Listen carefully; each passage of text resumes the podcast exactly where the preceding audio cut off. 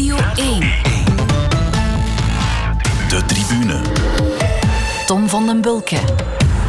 Van harte welkom bij een nieuwe aflevering van de Tribune. Dit keer in aparte omstandigheden, want ik zit hier in mijn eentje in de studio en daar zit het coronavirus uiteraard voor heel veel of zeg maar alles tussen. Onze uitzending beginnen we normaal altijd met de momenten van de week, maar er is deze dagen maar één thema en iedereen gaat er zo op zijn eigen manier mee om. Hi, I'm Zlatan Ibrahimovic. Italy has always given me so much, and in this dramatic moment, I want to give back even more to this country that I love. Let's together kick the coronavirus away and win this match. And remember, if the virus don't go to Zlatan, Zlatan goes to the virus. No, I just miss like just the regular life. You know what I mean? Being with my mom, being with my son, even being with my brother. I miss training. I miss playing games in front of fans. Like now, you just you start appreciating what you have. Quédate en tu casa y no seas pendejo. Mientras que se tenga esa mano, no te olvides de cantar dos veces feliz cumpleaños para que queden perfectas. Esas manos quedaron impresionantes. Gracias, vieja, por hacerme argentino y contemporáneo a la limpieza perfecta de Fernanda. Ja, dus veel kunnen we niet doen. Hè. Ehm, het belangrijkste nu is gewoon plezier hebben nog. Plezier hebben in het fietsen. Ik ben blij zijn dat we nog kunnen fietsen buiten. Eh, en dat probeer ik nu te doen. En ehm, ja, proberen het positieve ervan in te zien. Ook al is dat soms moeilijk. Uh, zorgt dat ervoor dat jij nu ook uh, huishoudelijk werk begint op te knappen en zo? Ik heb gisteren geholpen met de tuinstoelen af te spuiten, maar ik moet zeggen dat mijn vriendin bijna alles in het huishouden doet, dus ik ben nou vooral lui. Ik hoop niet dat ze mee aan het luisteren is, want je brengt ze op ideeën volgens mij. Ja, van eh, Zlatan de virusbestrijder over commentaar geven op handen wassen tot klusjesman Mathieu van der Poel zijn voor iedereen vreemde tijden. Voetballers jongleren met wc-rolletjes, coureurs rijden zich te pletter op fietsrollen en playstations draaien overuren. En ook wij passen ons dus aan, want mijn gasten zitten vandaag op een veilige afstand. Ik stel ze graag met de hulp van ons archief even aan je voor, te beginnen met deze man. Ho, ho.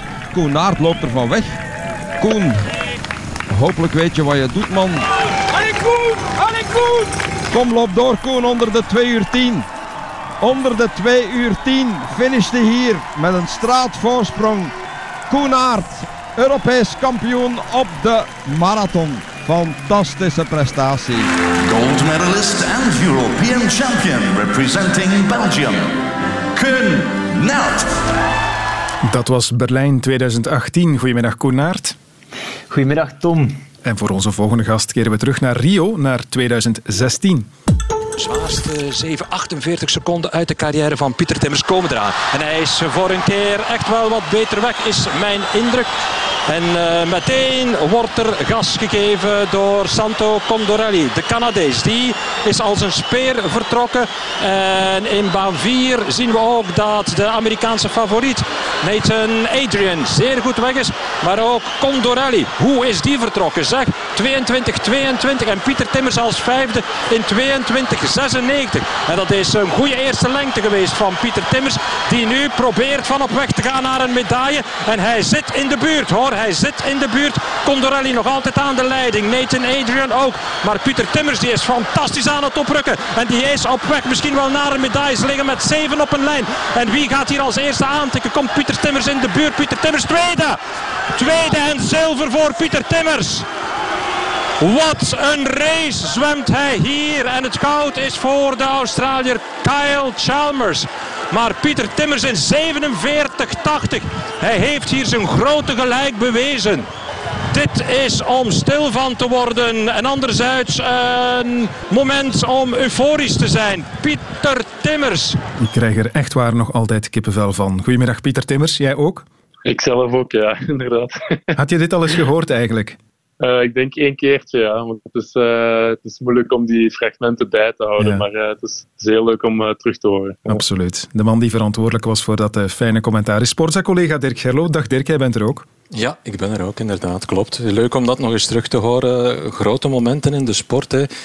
Niet alleen Pieter Timmers, ik moet dan ook terugdenken. 1996, Fred de Burggraven in Atlanta. Ook Olympisch goud in het bad. Ja, we hebben er nog een paar gehad. Hè. Justine Henin.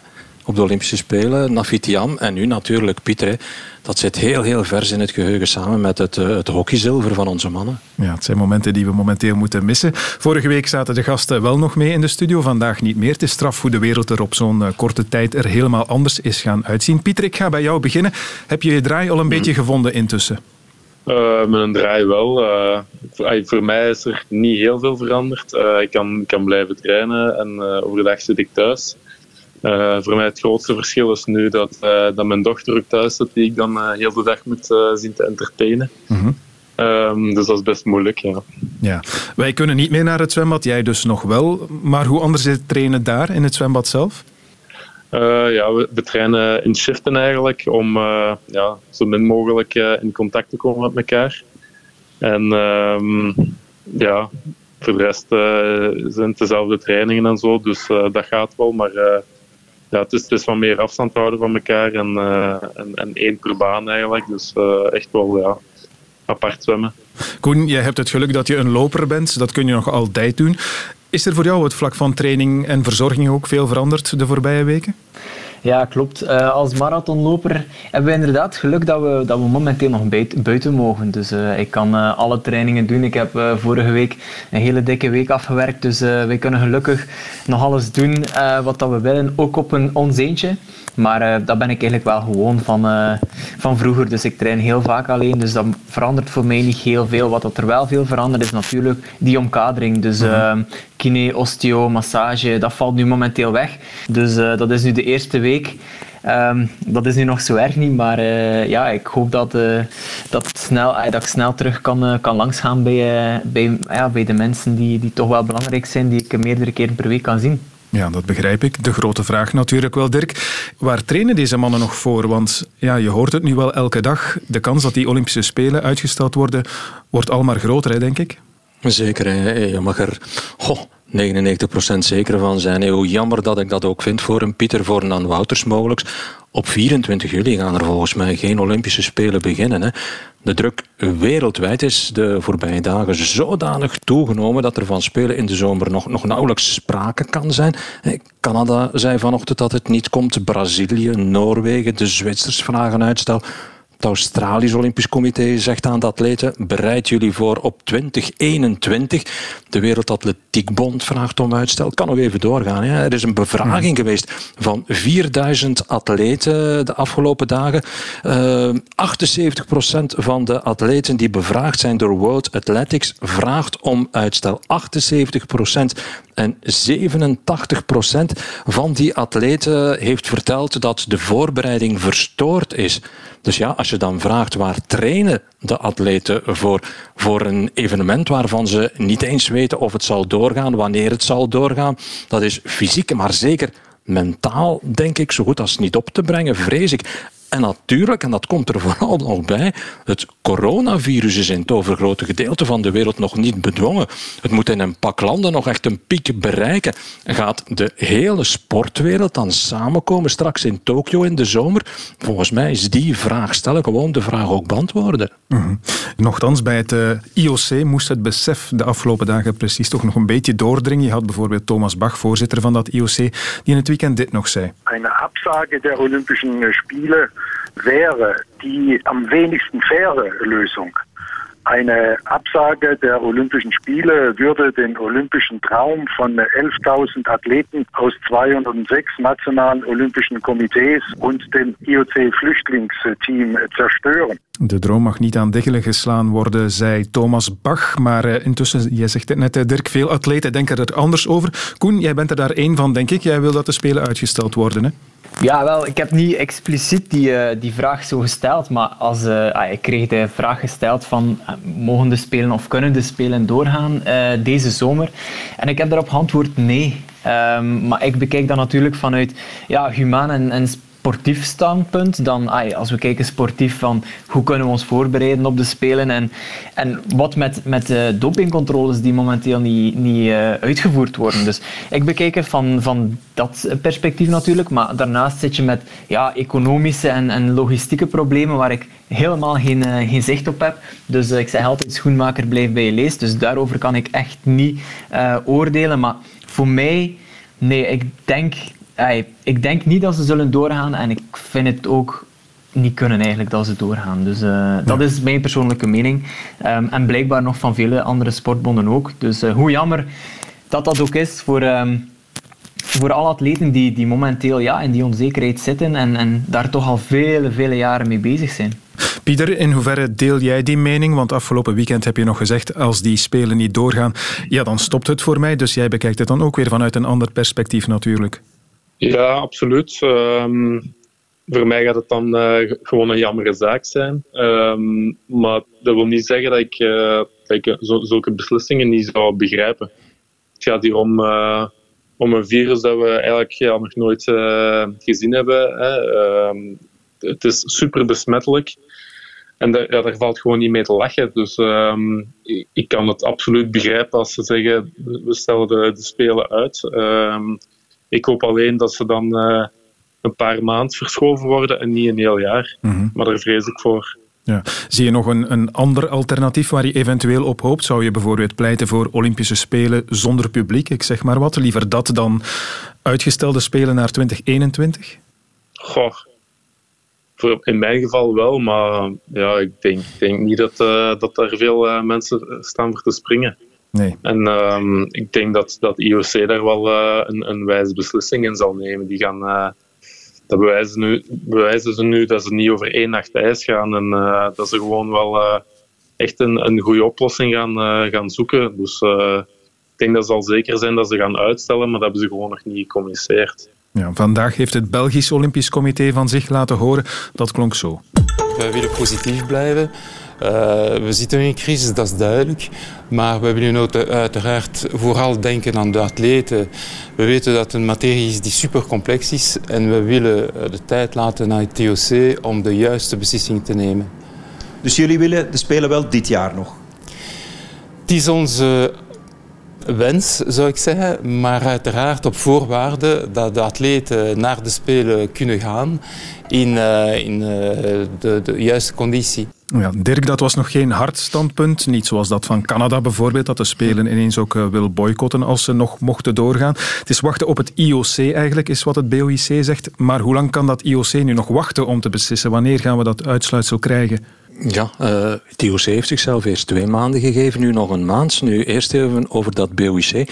Ja, het is ongeveer uh, het, het, enige Olympisch Comité op dit moment waar ik de weet van heb, mm-hmm. dat zegt van oké, okay, we gaan ook nog even wachten. Ik hoor Luc Rampard daar zeggen, we moeten denken aan de atleten. Nu, voor de atleten vind ik die, die periode van twee maanden, van één maand eigenlijk al een beetje te lang. Die zouden eigenlijk nu moeten weten waaraan, waaraf, die onzekerheid, die stress, die moet weg, volgens mij. Maar anderzijds zit je ook met het gegeven voor het IOC, het Internationaal Olympisch Comité, is dit toch ook wel eh, een soort van een catch-22. Vind maar eens een oplossing die iedereen tevreden kan stellen. De atleten, hun federaties, de sponsors, de mediapartners, allemaal groepen die miljoenen, miljarden geïnvesteerd hebben. Tokio zelf, het organisatiecomité, de stad Japanse regering. Dus volgens mij wordt er nu tegen misschien wel supersonische snelheid overlegd om een datum te vinden die voor alle partijen bevredigend is. En als die datum er is, dan, dan denk ik wel dat er snel zal worden gecommuniceerd. Maar nu is het overleg tussen alle partijen, denk ik. Vandaar dat het nog even duurt. Ja. Eh, Pieter, hoe trek jij inderdaad naar het zwembad? Eh, mocht je nog een maand moeten wachten op dat nieuws? Ja, dat is toch met een ander gevoel, denk ik. Met de helft van de tijd misschien niet het idee van, heeft dit allemaal wel zin? Absoluut, ja. Dat is het moeilijkste, denk ik, dat er is. Uh, echt zonder, zonder doel voor ogen moeten trainen en, en moeten afzien. Ik denk dat niemand dat, ja, dat goed kan. Iedereen heeft altijd wel een doel. Al is het om fitter te worden, om gezonder te worden bij ons, bij ons is het natuurlijk om uh, zo snel mogelijk te zijn. Hè? Um, dus als dat doel wegvalt, met een, met een bepaalde datum in, uh, in je hoofd, ja, dan, uh, dan kun je het eigenlijk vergeten. Eigenlijk, ja. Het is ook wel wat Dirk zegt, inderdaad. Hè. Je moet nu opnieuw vier weken wachten, wellicht. Misschien niet zo lang. Het kan zijn dat de beslissing ook vroeger komt, natuurlijk. Maar stel, inderdaad, vier weken, dat is mentaal toch ook zwaar hè? Om, om die weer te overbruggen zonder te weten hoe of wat? Absoluut. Het is nu uh, even een periode van uh, onwetendheid. Um, bij mij dat is misschien nog een, uh, een lichtpuntje aan het eind van de tunnel. Mm -hmm. dat is het EK. Dat, is, dat was nu normaal in mei. dat is uitgesteld naar augustus. Mhm. Ehm, dus dat kan, als dat nog doorgaat, ja, nog voor mij een, een eindpunt zijn dan. Dat kan inderdaad nog een, een nieuw doel dan worden op zich, mocht dat in augustus plaatsvinden. Ja, Koen, hoe zit dat bij jou? Je bent iemand die je trainingen minutieus plant. Hoe zit dat dan nu? Ja, ehm, ik zou graag liefst zo snel mogelijk antwoord weten. Dus die, ik ben al heel blij dat, uh, dat het van twee maanden naar, uh, naar vier weken gekomen is. Maar zoals Dirk uh, al eerder zei, vier weken is eigenlijk nog te lang. Um, ik ik denk dat wij als atleten, ja, Pieter zei het ook, die doelstellingen zijn gewoon heel belangrijk. En oké, ja, gaan de spelen wel of niet door? Wel, dan houden we het geweer op de ene schouder. Gaan ze niet door? Ja, dan veranderen we van schouder en uh, passen we onze planning aan. Maar nu zitten we nog vier weken zo, ja, wat is het nu? Uh, ja of nee? Dus van mij mag dat wel iets korter, maar twijfel er niet aan dat ze inderdaad vanuit het uh, IOC alle, alle mogelijkheden willen overlopen om, om een juiste beslissing te nemen. Maar voor atleten, ja, ik denk in het welzijn van atleten is het belangrijk om het zo vroeg mogelijk te weten. Dat we, want nu is het, ja, we zitten echt in die, in die onzekerheid en dat willen we weg om... Uh, om toch op ons volle sterkte te kunnen presteren. Ja, het mentale welzijn, zeker belangrijk in dat verband. Maar Dirk, het gaat ook over de gewone gezondheid natuurlijk. Het gewone welzijn, zeg maar. Want als het IOC zegt, bereid je nu toch maar voor. In deze tijden, ja, dat is misschien spelen met de gezondheid ook van de atleten. Ja, eigenlijk wel. Hè. En ik denk dan nog dat de Belgische situatie meevalt. Ik heb uh, met uh, Ronald Gaastra, de coach van uh, Pieter, eergisteren gebeld over hoe die trainingen verlopen van de zwemmers. Superhygiëne, alles is voorzien. Maar natuurlijk, die atleten en ook een Koenaert, ja, die mannen die komen buiten, die komen in contact met anderen, die moeten misschien ook wel eens boodschappen gaan doen. En, en wat straks, als bijvoorbeeld de ploegsporters gaan samenkomen, kunnen onze cheetahs, de, de tornado's, kunnen onze hockeyers, de Belgian Cats, kunnen die elk risico uitsluiten? Ik heb nu zelfs al begrepen, het daarnet over het BOIC, dat zegt van oké, laten ze nog maar even wachten met een beslissing. Maar bijvoorbeeld de Belgian Cats en de Belgische Basketbalfederatie heeft al gezegd, ja, voor ons kan het absoluut uitstellen van de Spelen. En kijk, nu hebben we het alleen nog maar gehad over België. Maar, maar wat bijvoorbeeld met Amerika? Ik probeer dat een beetje te volgen. En dan denk ik, de atleten die zijn daar toch nog een pak minder veilig. Die lockdowns die worden niet deftig opgevolgd. Ik heb beelden gezien van stranden in Californië, van stranden in, in Florida. Stel dat een atleet daar komt en die loopt daar tussen honderden, tussen duizenden mensen en die wordt besmet. Ja, wat dan ook bijvoorbeeld met landen waar de hygiëne, waar de communicatie nog een pak minder goed is dan hier. Wat met die atleten?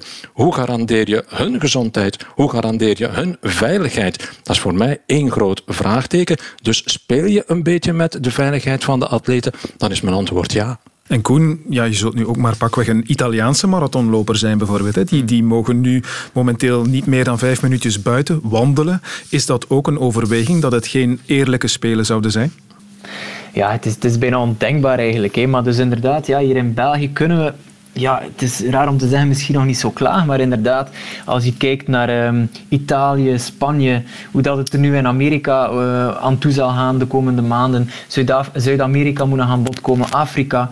Ik denk dat we ja, het is, het, is, het is allemaal zo onzeker en uh, we doen hier in Europa zo hard ons best met die lockdown en, en, uh, en, en uh, heel strenge maatregelen. Maar inderdaad, als je dan kijkt, het is spring break in Amerika, dan zie je uh, feestjes passeren. Dat ik denk, Zuid-Afrika zag ik gisteren niets passeren. Dan denk ik van, oei, oei, oei, we zijn nog nog verre van het, het einde van het coronavirus. Dus, en inderdaad, als je dan al die mensen samenbrengt, dan breng je echt heel veel andere gezonde atleten en, en ja, in gevaar. Dus uh, ik vind het gewoon een heel groot risico. Ja. Ja, hoe kijk jij daarnaar, Pieter? Want ik las vandaag bijvoorbeeld ook nog een eh, artikel met een Italiaanse zwemmer die uh, normaal gezien nu kwalificatiewedstrijden voor de Spelen had moeten afwerken, maar in zijn eentje ergens in een uh, 25 meter bad dan maar aan de slag moest, helemaal alleen. Ja, dat heeft natuurlijk ook impact internationaal gezien. Niet iedereen kan zich op dezelfde manier voorbereiden. Nee, inderdaad. Uh, die Italiaan mag dan nog eh, gelukkig zijn dat hij kan zwemmen. Mhm. Eh, ik weet van de anderen dat die gewoon helemaal stil liggen. ook de Nederlanders liggen stil. bij de Britten is nu alles dicht gegaan. Australië zelfs ook. heel veel landen, daar is gewoon alles dicht. Denk dat de Russen en wij dan een van de enigen zijn die nog echt aan het zwemmen zijn. En als je dat dan allemaal samenlegt, Dirk, dan kom je bij wat jij al zei, 99% kans zeker dat die Spelen uitgesteld zullen worden. Maar wat moet er dan mee gebeuren? Spreken we dan over één jaar uitstel, iets anders? Wat zijn de opties? Goh, wat zijn de opties? Uh, op dit moment lijkt één jaar uitstel mij de meest logische optie, de meest voor de hand liggende oplossing. Dezelfde periode, denk ik dan ook wel, in 2021. Je komt dan wel in het vaarwater van de wereldkampioenschappen atletiek en zwemmen in Eugene in de Verenigde Staten, Fukuoka, Japan.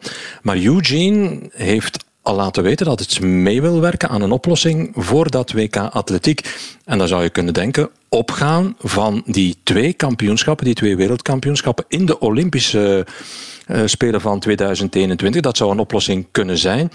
Uitstellen naar een ander moment in het jaar lijkt me heel moeilijk, omdat je dan gaat ingrijpen in de toch al heel druk bezette kalenders van de verschillende sportfederaties. Ook bijvoorbeeld als men zou zeggen, nu dit jaar we gaan uitstellen naar pakweg half september eh, tot, uh, tot ergens eind oktober misschien wel. De Olympische Spelen van 64 Tokio waren ook later op het jaar dan nu. Ja, maar dan zit je bijvoorbeeld alleen al in Amerika met uh, ongelooflijke conflicten. Want in Amerika begint dan de NBA-basketbalcompetitie. De competitie van dit jaar is nog niet eens afgewerkt. Je zit met de National Football League, je zit met Major League Baseball. Allemaal competities die dan ook willen beginnen. Dus uh, ja, dat is zo een kluwen ook. En dan denk ik, op dit moment de meest voor de hand liggende oplossing. En daar gaan we naartoe, denk ik. Dat is gewoon over exact een jaar, dezelfde periode als 2020. Ja, Pieter, als je dat hoort, spelen in 2021, dat zie je niet meer zitten. Heb je vorig weekend nog gezegd, die ga je niet meer halen. Is dat een beslissing waarvan je zegt, oké, daar ga ik ook zeker niet op terugkeren? Ja, daar ga ik uh, inderdaad niet op, uh, op terugkeren. Um, dat is een beslissing die al lang gemaakt is. Uh, ik heb na Rio zelfs al gezegd dat ik, uh, dat ik ging stoppen. Plezier voor het zwemmen heeft dan toch uh, mij laten doorgaan. En eh, ik heb het dan zo wat jaar per jaar bekeken. Maar nu, het, het, het, voorbije jaar eigenlijk, um, is het echt wel beslist van oké, okay, ik ga de Spelen nog doen en dan is het, dan is het echt gedaan. Mm -hmm. um, maar als, als nu de Spelen nog een jaar worden uitgesteld, dan is het gewoon ja, veel te ver voor mij ja, mentaal en, en praktisch en, uh, en ja, meerdere factoren eigenlijk. Ja. Ja, dat zou dan, zoals je het zelf zei, een lullig afscheid zijn. Tenzij misschien dat EK toch nog zou kunnen in augustus? Ja, daar hoop ik absoluut op. Ja. Want dat EK, dat heb je al vaak gemist ook, hè? Altijd door omstandigheden? Klopt, ja, altijd wel uh, een keer pech gehad. Uh, me nooit echt kunnen tonen. Um, dus dat zou ja, op zich nog wel een heel mooi uh, einde kunnen zijn als ik daar nog goud zou kunnen pakken. Ja, ik hoop het voor jou. Stel, Koen, die spelen gaan toch naar 2021. Hoe overbrug jij dan bijvoorbeeld die hele periode? Wat doe je dan zonder doelen te kunnen stellen tussendoor?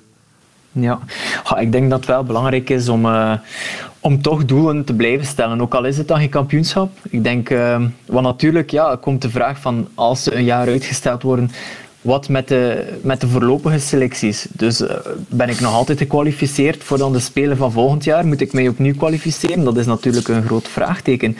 Maar ik denk dat we sowieso wel één of twee marathons ja, sowieso 1, 2, dat is nog een groot vraagteken, zullen moeten tussenplaatsen. Als, uh, als tussendoel eigenlijk, om dan uh, nog een jaar te overbruggen. Maar ik kan er zeker in komen in het geval van, uh, van Pieter, als je hoofd daarop staat om, ja, om in augustus 2020 afscheid te nemen, om daar dan nog een jaar bij te plakken, dat dat ontzettend, ontzettend moeilijk is. Gewoon ook voor jezelf als sporter, maar zeker ook voor je gezin. Dus ik denk, die, die hebben al heel veel opofferingen gedaan. En als hij dan zegt van, ja, ik, plak, of ik moet er nog een jaar bij plakken, dat dat wel uh, niet makkelijk is. Dus uh, ja, heel spijtig. Maar uh, ja, voor ons, ja, ik, ik, zie mijn carrière nog op, uh, op een iets langere termijn. Maar sowieso zullen wij moeten kijken om, om daar dan nog ergens een, een goede marathon tussen te plaatsen. Eén of twee. Dat is absoluut waar. Uh, Dirk, een aspect dat we nog niet aangeraakt hebben in het nemen van deze toch wel ja, heel belangrijke beslissing richting de Spelen, is de, is de financiële kant van de zaak. Welke rol speelt die? Want het gaat over miljarden uiteindelijk. Goh, ik denk dat uh, heel dat financiële plaatje dat, dat op dit moment een, een gigantisch kluwen is. Nu, een totale afgelasting, heb ik begrepen, komt er niet. Maar, stel je voor dat dat gebeurd was, ja, dan zou de impact op de sportwereld behoorlijk vernietigend zijn geweest. Hè.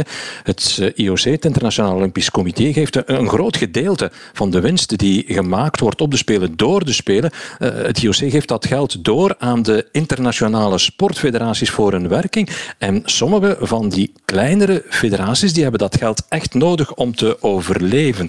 Nu, ook uitstellen gewoon al van de Spelen kost veel geld. Het laatste cijfer heb ik uh, een uur of twee geleden nog uh, gezien. Uh, de Japanse experts, financiële experts, hebben berekend dat gewoon het uitstellen van de Spelen op iets tussen de, de 5 en 6 miljard euro gaat kosten. ja, het is zo complex. Een paar onnozele voorbeeldjes. Het Olympisch Atletendorp, dat is goed voor een kleine 6000 appartementen. Die zijn zo goed als allemaal verkocht. En de mensen die dat gekocht hebben, dat appartement, die mogen er normaal intrekken na afloop van de Paralympische Spelen. Maar wat als nu die Olympische Spelen één jaar, zelfs, zelfs twee jaar worden uitgesteld, wat met de verkoop van die appartementen, met de inkomsten van die appartementen, valt dat weg, dat geld? Voorlopig wel. Wat met de tienduizenden hotelkamers, vliegtickets die geboekt zijn, die betaald zijn, terugbetaling, wie, wat, hoe, wie zal het zeggen? Reclame die de televisiezenders niet gaan kunnen uitzenden omdat er voorlopig geen spelen zijn. Wat gaat er gebeuren met dat geld? Dus uh, ik, denk dat de, de, de financiële kopbrekers naast alle andere kopbrekers, dat die ja, immens zijn. Inderdaad, Koen. ik leg het maar eens aan jou voor. Ook, je krijgt er bijna een punthoofd van als je weet welke vraagstukken allemaal op tafel komen te liggen. Ja, het is, het ongelooflijk eigenlijk. Ik, zeg, ik zei het in het begin al. Ik, zeg, um, ik baseer mij vooral op het, op het humane rond het virus en, en alles wat er erbij komt met de zorgsector en sportieve. Maar inderdaad, ja, dat economische en dat financiële, ook het logistieke, is ongelooflijk belangrijk en, en oh zo moeilijk um, bij uitstellen van de Spelen. Dus um, ja, als ik hier al die duizelingwekkende cijfers hoor, um, ja, dan val ik hier binnen van mijn stoel. dus dat is ongelooflijk. Ja, dat zijn dingen waar dat wij dan eigenlijk niet bij stilstaan, of niet, niet meteen bij stilstaan als atleet, maar dat komt er inderdaad allemaal bij kijken. als je dan ziet, ja, welke... Ik, ik, denk dat ik vorige week in de tribune uh, Hans van de Wegen hoorde zeggen dat heel dat ding 12 miljard um, euro kost. Ja, dat is de, ja, het zal nog veel meer zijn dan niet dat. weten hoeveel nulletjes mm -hmm. dat erachter staan. Dus uh, ja, het is ongelooflijk, ongelooflijk wat het, er daarbij uh, komt kijken. is ja. inderdaad ondertussen al een veelvoud zelfs van die 12 miljard euro, denk ik. En het coronavirus treft ook elke sporttak over de hele wereld. Dat geldt dus ook voor het tennis bijvoorbeeld. En ook Roland Garros, het tweede Grand Slam tennistoernooi van het jaar, is uitgesteld. Het toernooi in Parijs zou normaal eind mei beginnen, maar is nu verzet naar eind september. Ja, voilà. Het toernooi van Roland Garros, dat neem ik er ook toch maar even bij, Dirk, want dat heeft voor commotie gezorgd door zonder veel boe of ba nieuwe datum vast te leggen. Jij volgt de tennis op de voet, uiteraard. Zijn de Fransen hier een boekje te buiten gegaan, vind je? Denk ik wel, ja. Ze hebben zonder overleg met de andere Grand Slams, zonder overleg met de spelers, zonder overleg met andere toernooien, zomaar gezegd, kijk, uh, dit jaar vanaf 20 september, denk ik, is het, Roland Garros. Maar nu, als je naar die datum kijkt, dat valt bijvoorbeeld samen met een, een Davis Cup weekeinde. Als je dan weet dat de internationale tennisfederatie verantwoordelijk is voor zowel de Davis Cup, de Fed Cup als die Grand Slams, ja, dan hebben die Cavaliers Seul gespeeld op Roland Garros. En het toont ook wel aan dat er echt nood is aan een overkoepelende organisatie die overleg mogelijk maakt tussen alle betrokken partijen. Nu doet iedereen, de ATP, de WTA, Internationale Tennisfederatie, de Grand Slams, de Lever Cup met Roger Federer. Iedereen doet zomaar wat en er is geen overleg. Niemand die zegt van kijk, zo zal het zijn. Nu, het zou me niks verbazen, want er is al heel veel protest gekomen van spelers. Voorlopig nog uh, vrij beleefd gebleven. Maar uh, andere toernooien gaan zich beginnen roeren. De, de Lever Cup met Roger Federer met zijn eigen managementteam, die gaan zich beginnen roeren. Dus het zou mij niks verbazen dat ze in Parijs nog zullen moeten terugkomen op hun stappen. Ja.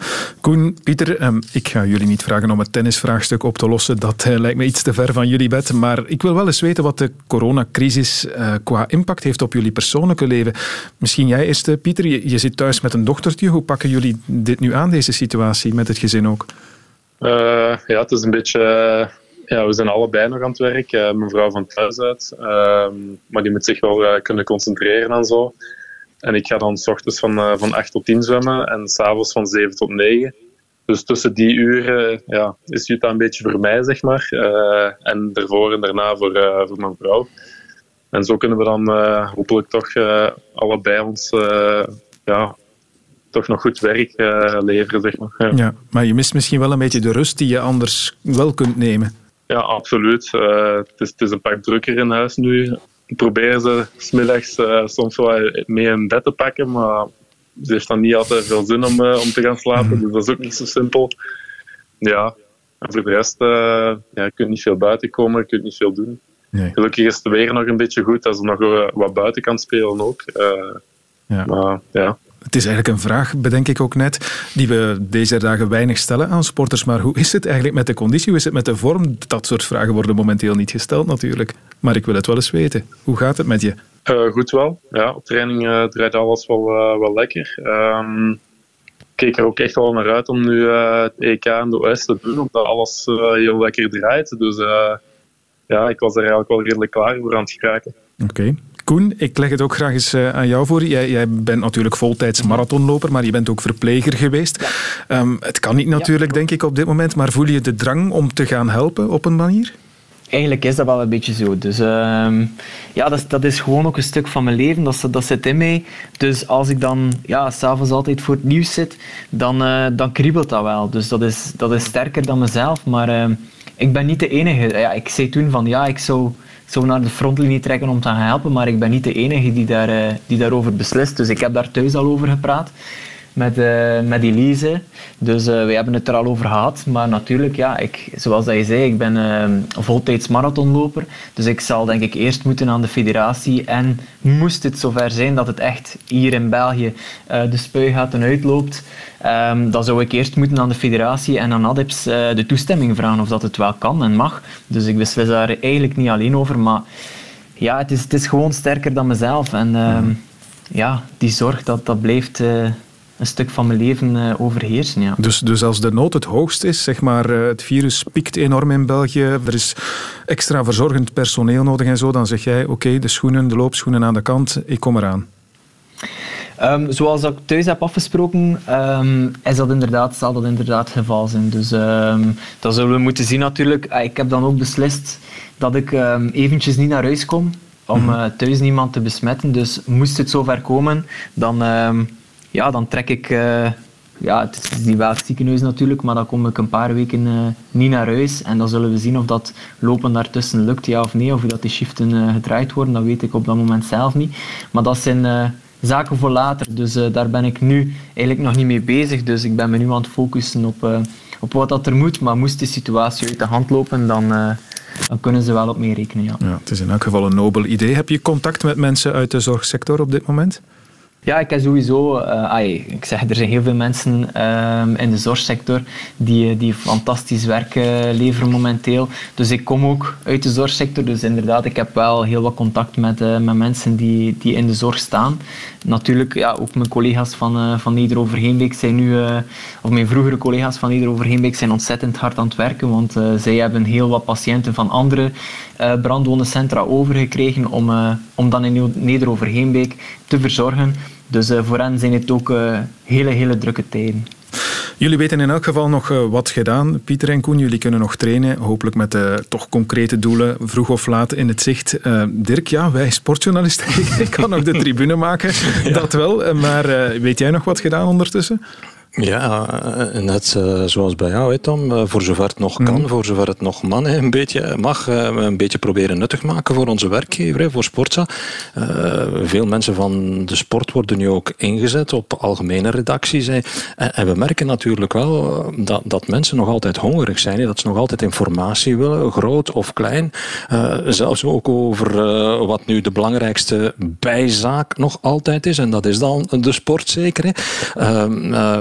Ehm, ik moet ook, moet ik toegeven, thuis nog de laatste restjes klimop uit de haag halen. Dat ga ik ook doen. En een beetje blijven bewegen. Elke, uur, elke dag een uurtje fietsen of zo. En ik moet zeggen, en dat heeft me wel aangegrepen vanochtend. Eh, ik las een, een tweet van een ex-top triatleet. Veel, de, de grootste Ironman ter wereld gewonnen in Hawaii Chrissy Wellington. En haar tweet was: Focus on what you love right under your nose. Met andere woorden, ook uh, koester ook vooral jouw dierbare. En voor mij is dat echt uh, de nagel op de kop. Dat is een hele mooie gedachte, inderdaad. Aan het einde van de tribune vragen we traditioneel altijd waar we nog naar uitkijken. Dat vragen we aan de gasten. En dan is dat waar we naar uitkijken voor de komende week. Ik ben benieuwd eigenlijk. Koen, begin jij maar even. Goh, waar ik er naar uitkijk. Naar uitkijk. Um, ik hoop dat niet alleen in België, maar overal die, ehm, ja, de, de sterftecijfers en de, de nieuwe besmettingen naar beneden gaan. Dus ik hoop uh, het is misschien een beetje rooskleurig, maar dat is iets waar ik, waar ik hoopvol naar uitkijk. Um, dat, dat alles terug uh, zo snel mogelijk kan normaliseren en dat, dat iedereen zich terug zijn, zijn normale leventje kan, kan terug op, oppikken. En hopelijk toch ook wat geleerd heeft uit deze periode, want ik merk dat heel veel mensen toch um, beseffen, zoals uh, Dirk net zei, van dat je ja, toch ook wel moet denken aan je, aan je dierbaren en dat je beseft van, van hoe goed dat we het eigenlijk hebben. En dat dat wel belangrijk is om, om dat mee te nemen uit, uh, uit deze moeilijke periode. Ja, dat hopen we allemaal, denk ik. Pieter, heb jij nog iets waar je concreet voor jezelf dan misschien naar uitkijkt eh, komende week of deze week? Oh, um, een beetje gelijk Koen, denk ik. Uh, ik hoop dat de andere landen gewoon snel maatregelen treffen ook. Uh, als je ziet nu, ja, Italië, Spanje, dat zijn geen derde wereldlanden, hoe, hoe snel en hoe hard het daar gaat. Um, hoop ik dat andere landen daar ook lessen uit trekken en snel maatregelen treffen. Eigenlijk, ja. Oké, okay, laat ons dat als uh, slotgedachte inderdaad maar meenemen. Dan bedank ik jullie voor uh, jullie virtuele aanwezigheid in deze tribune. Dirk Gerlo, Pieter Timmers en Koen Naert. Dankjewel. Graag gedaan. Dankjewel. De tribune. En wij gaan nog even door en wel over voetbal, want ook de Belgische clubs staan voor een nieuwe realiteit. En in dat verband heeft Anderlecht beslist om in te grijpen. Dat zegt CEO Karel van Eetveld. De impact van, uh, van het coronavirus op het voetbal in het algemeen is groot, ook op een club als Anderlecht. En dat betekent dat je dat je, ja, kostenstructuur ook moet herzien en je kosten daaraan aanpassen. Uh, en dat heeft als gevolg dat uh, bijvoorbeeld een groot deel van onze werknemers vanaf morgen op tijdelijke werkloosheid zal gaan. Maar ook met de spelers zijn wij, zijn wij in gesprek en, en die gesprekken vorderen goed. We gaan erover praten met onze voetbalcommentator Peter van den Bemt. Ja, Peter, dat ook Anderlecht nu overgaat tot deze beslissing. Zat dat er wat aan te komen, had je het gevoel, of, of niet? Uh, ik denk het wel, eerlijk gezegd. Uh, want uh, goed, we weten allemaal dat de financiële situatie bij Anderlecht niet bepaald rooskleurig is. En dit komt er dan nog een keer bij. Hè. Geen inkomsten over een heel lange periode. Dus dat Anderlecht sowieso bezig is met het herschikken van de kostenstructuur. Dat er een enorme besparingsoperatie aan de gang is.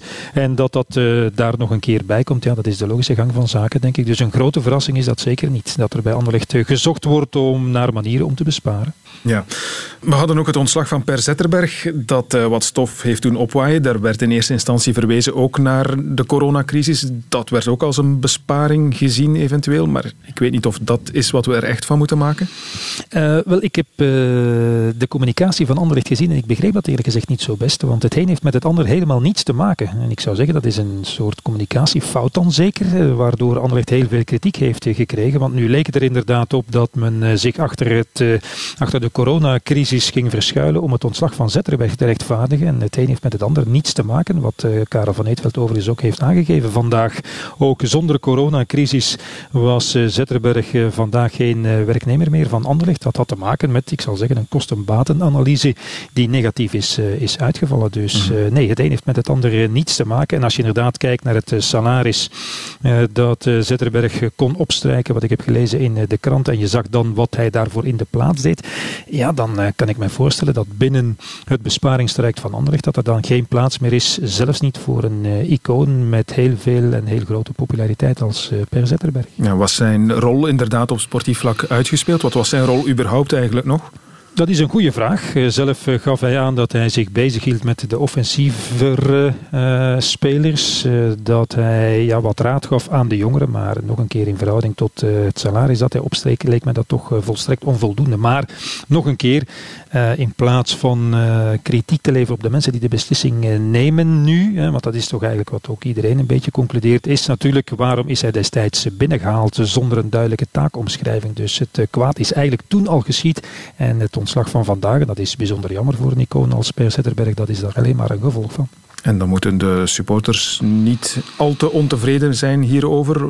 Want het is Wel, ergens ik, logisch als ik je bezig hoor. Ja, als ik lees dat supporters zeggen van ja, het kan misschien wel zijn dat hij niet te veel bijdroeg in de, ik zal zeggen, bredere technische staf, maar hij hield ons kalm. ja, dan zou ik zeggen dat dat toch niet echt een goede uh, reden is of een goede eh, motivering om iemand nog langer aan boord te houden. Ja, goed. Dan uh, terug naar die financiële kant. Hè. Um, Anderlecht dat dus uh, zijn medewerkers op economische werkloosheid zet en dat ook aan de spelers een inspanning vraagt. Dat laatste is, is vrij opvallend, toch? Ik denk niet dat ja, er al andere clubs zijn die, die dit eerder gedaan hebben tot nu.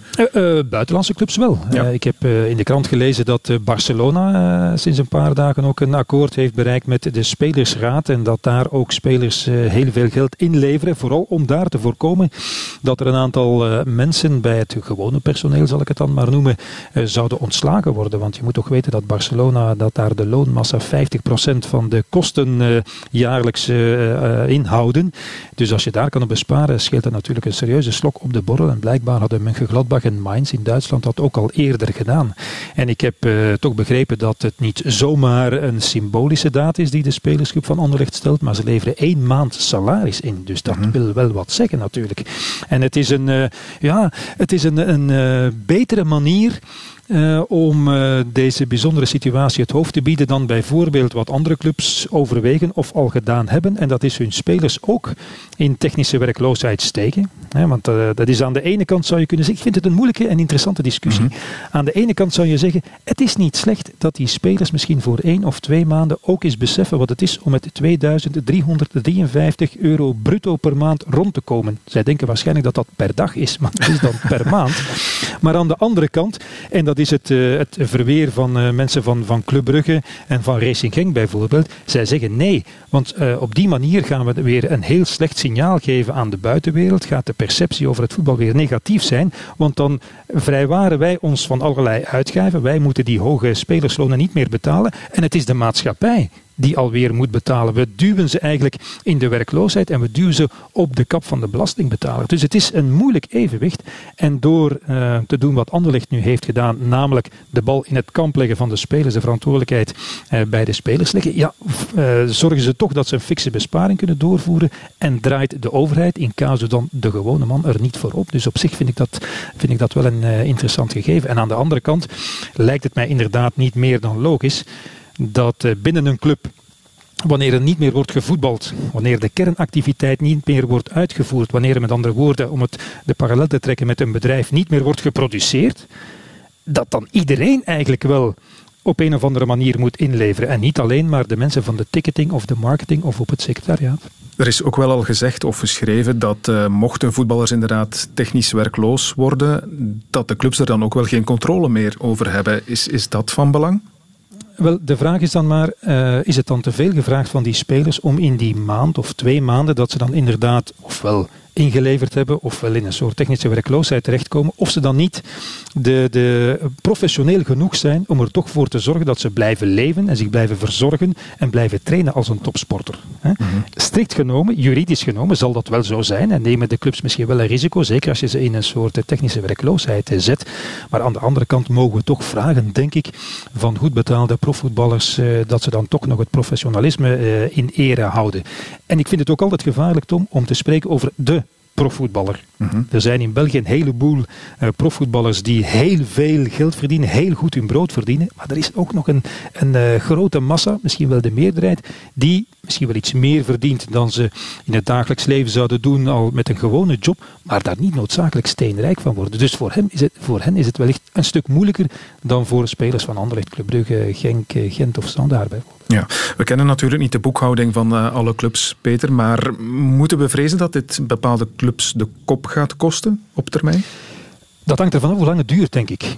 Als we er toch nog zouden inslagen om uh, voor het einde van het seizoen nog wedstrijden te spelen, misschien zijn het er niet veel, veronderstel dat, dat we nog de play-offs kunnen afwerken. Ik zie eerlijk gezegd op dit moment steeds moeilijker in dat dat nog zou kunnen. Mm -hmm. Ja, dan misschien niet. Maar stel je maar eens voor dat er dit seizoen helemaal niet meer wordt gevoetbald en dat het misschien nog een, een stuk duurt in het, in het volgende seizoen. We weten allemaal, als we de cijfers elke keer opnieuw zien, dat er heel wat clubs het water tot aan de lippen staat, om niet te zeggen erboven.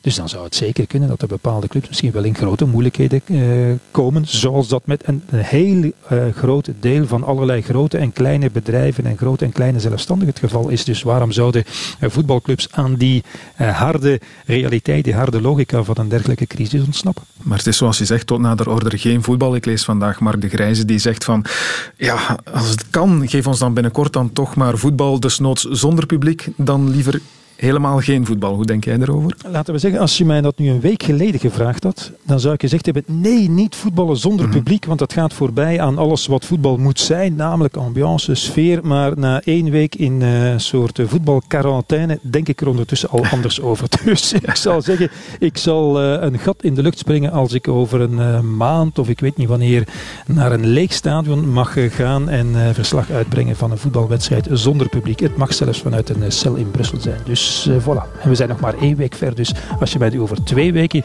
dezelfde vraag stelt, dan ga ik nog luider uh, ja zeggen. Oké, okay, ik wens het je toe in elk geval. Dankjewel voor je toelichting, Peter van den Bent. Graag gedaan. Voilà, dit was de tribune voor deze week. Hou je goed en bij leven en welzijn tot volgende week voor een nieuwe aflevering. In deze tijden niet live op Radio 1, maar wel te vinden in je vertrouwde podcastkanaal. Tot dan.